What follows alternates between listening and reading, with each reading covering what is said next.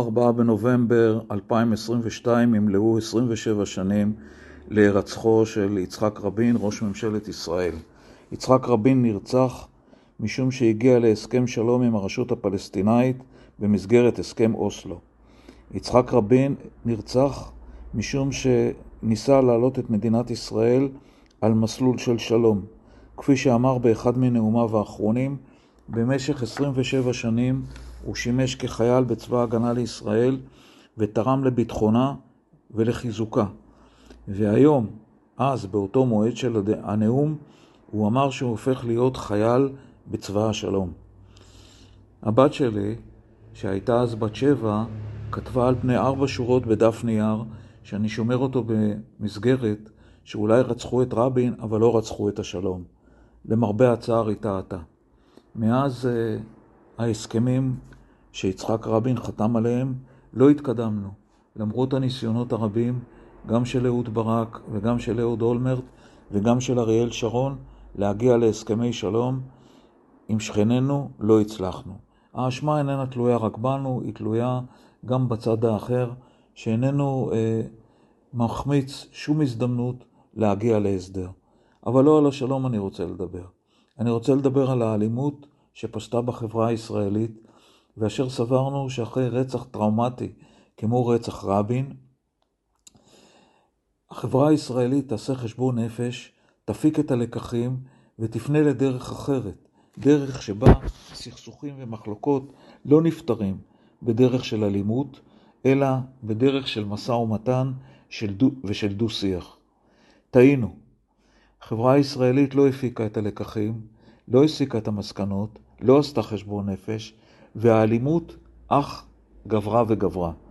בשנתיים שלוש האחרונות, שלוש השנים של הכאוס הפוליטי, עם חמש מערכות בחירות שהסתיימו השבוע, האלימות פשטה לא רק בתוך החברה הערבית ולא רק בתוך הרחוב הישראלי עם, ה... עם מלחמות הכנופיות וארגוני הפשע, היא פשטה גם בציבוריות הישראלית, בהפגנות שמאורגנות בעד נושא זה או אחר, בין אה, אה, ימניים לשמאלאים, לשמאלאים, בין אה, דתיים לחילוניים, ועוד ועוד כהנה וכהנה.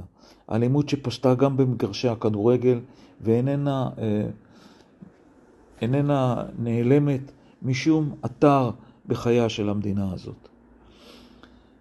אלימות איננה מובילה לפתרונות, היא מובילה לכאוס. מדינות רבות התפרקו, ירדו מנכסיהם, וחלקם אף נעלמו ממפת ההיסטוריה אה, בשל אה, אלימות שפשטה בהם.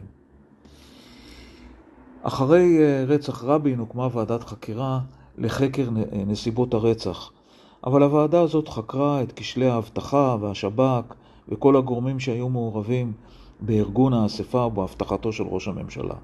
יושב ראש הוועדה, השופט שמגר, אמר אז שוועדת חקירה אין, לה, אה, אה, אין זה מתפקידה של ועדת החקירה אה, לחקור את חולי, לבדוק את חולייה של החברה הישראלית, ואין זה מתפקידה לחקור ולבדוק כיצד נוצר מצב שבישראל של 1995 קם אדם המוכן ומבקש לרצוח ראש ממשלה.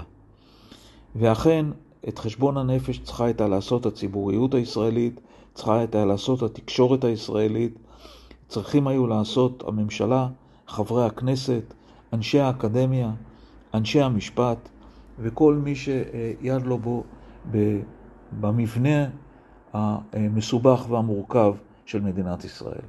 אבל זה לא נעשה. רצח יצחק רבין היה צריך להפוך למין אה, מגדלור שמאיר את סביבותיה של החברה הישראלית, שכולנו נביט אליו ונלמד אה, אה, לחיות אחרת, לחיות בסבלנות ובסובלנות האחד עם השני, לקבל את דבריו של השני, גם אם לפעמים מרגיזים ומרתיחים, ולנסות לפתור את המחלוקות ואת הבעיות בדרך של שלום.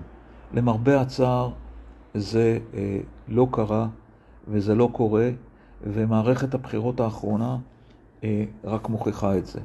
היא התנהלה על בסיס של שנאה, הטחת האשמות, פייק ניוז ועוד כהנה וכהנה, נושאים ודברים שאין בהם כדי לתרום לשיפור, לשיפור השיח הציבורי. במקום לערוך מדי שנה האזכרה, ששותפים לה כל חלקי החברה הישראלית, כל המח... המחנות וכל המפלגות, הפך האירוע של רצח רבין למין עסק פרטי של מפלגה אחת או של תנועה אחת, אפילו לא של מחנה אחד, בבחירות האחרונות. היקף הלימודים במערכת החינוך על רצח רבין או משהו בעקבותיו הולך ופוחת עם השנים. בכלל העיסוק בהיסטוריה הישראלית אה, לוקה בחסר. במקום שהרצח הזה יהווה אה, נקודת מוצא וזינוק לדרך אחרת, למרבה הצער, מה שקורה מאז הוא רק הרעה, החמרה והחרפה של התוצאה. אני מאוד מקווה שהתהליכים שקורים לא יביאו לאירוע הבא מהסוג הזה. היינו על הסף, ואינני בטוח שאנחנו התרחקנו מהסף, למרות תוצאות הבחירות האחרונות. מצער לראות שבחברה הישראלית של היום, לא רק שרים וחברי כנסת ואישי ציבור הולכים עם מאבטחים צמודים, אלא גם שופטים, פרקליטים ואנשים נוספים שתפקידם לשרת את החברה הישראלית ובעיקר להגן על הדמוקרטיה הישראלית ועל דמותה.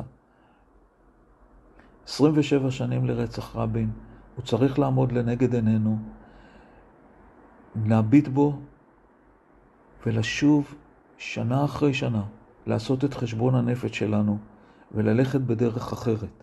החייל שאחרי 27 שנות שירות צבאי בחר ללכת בדרך השלום, חייב לסמן לנו שצריך לבוא שינוי וצריכים לבחור בדרך אחרת, דרך השלום.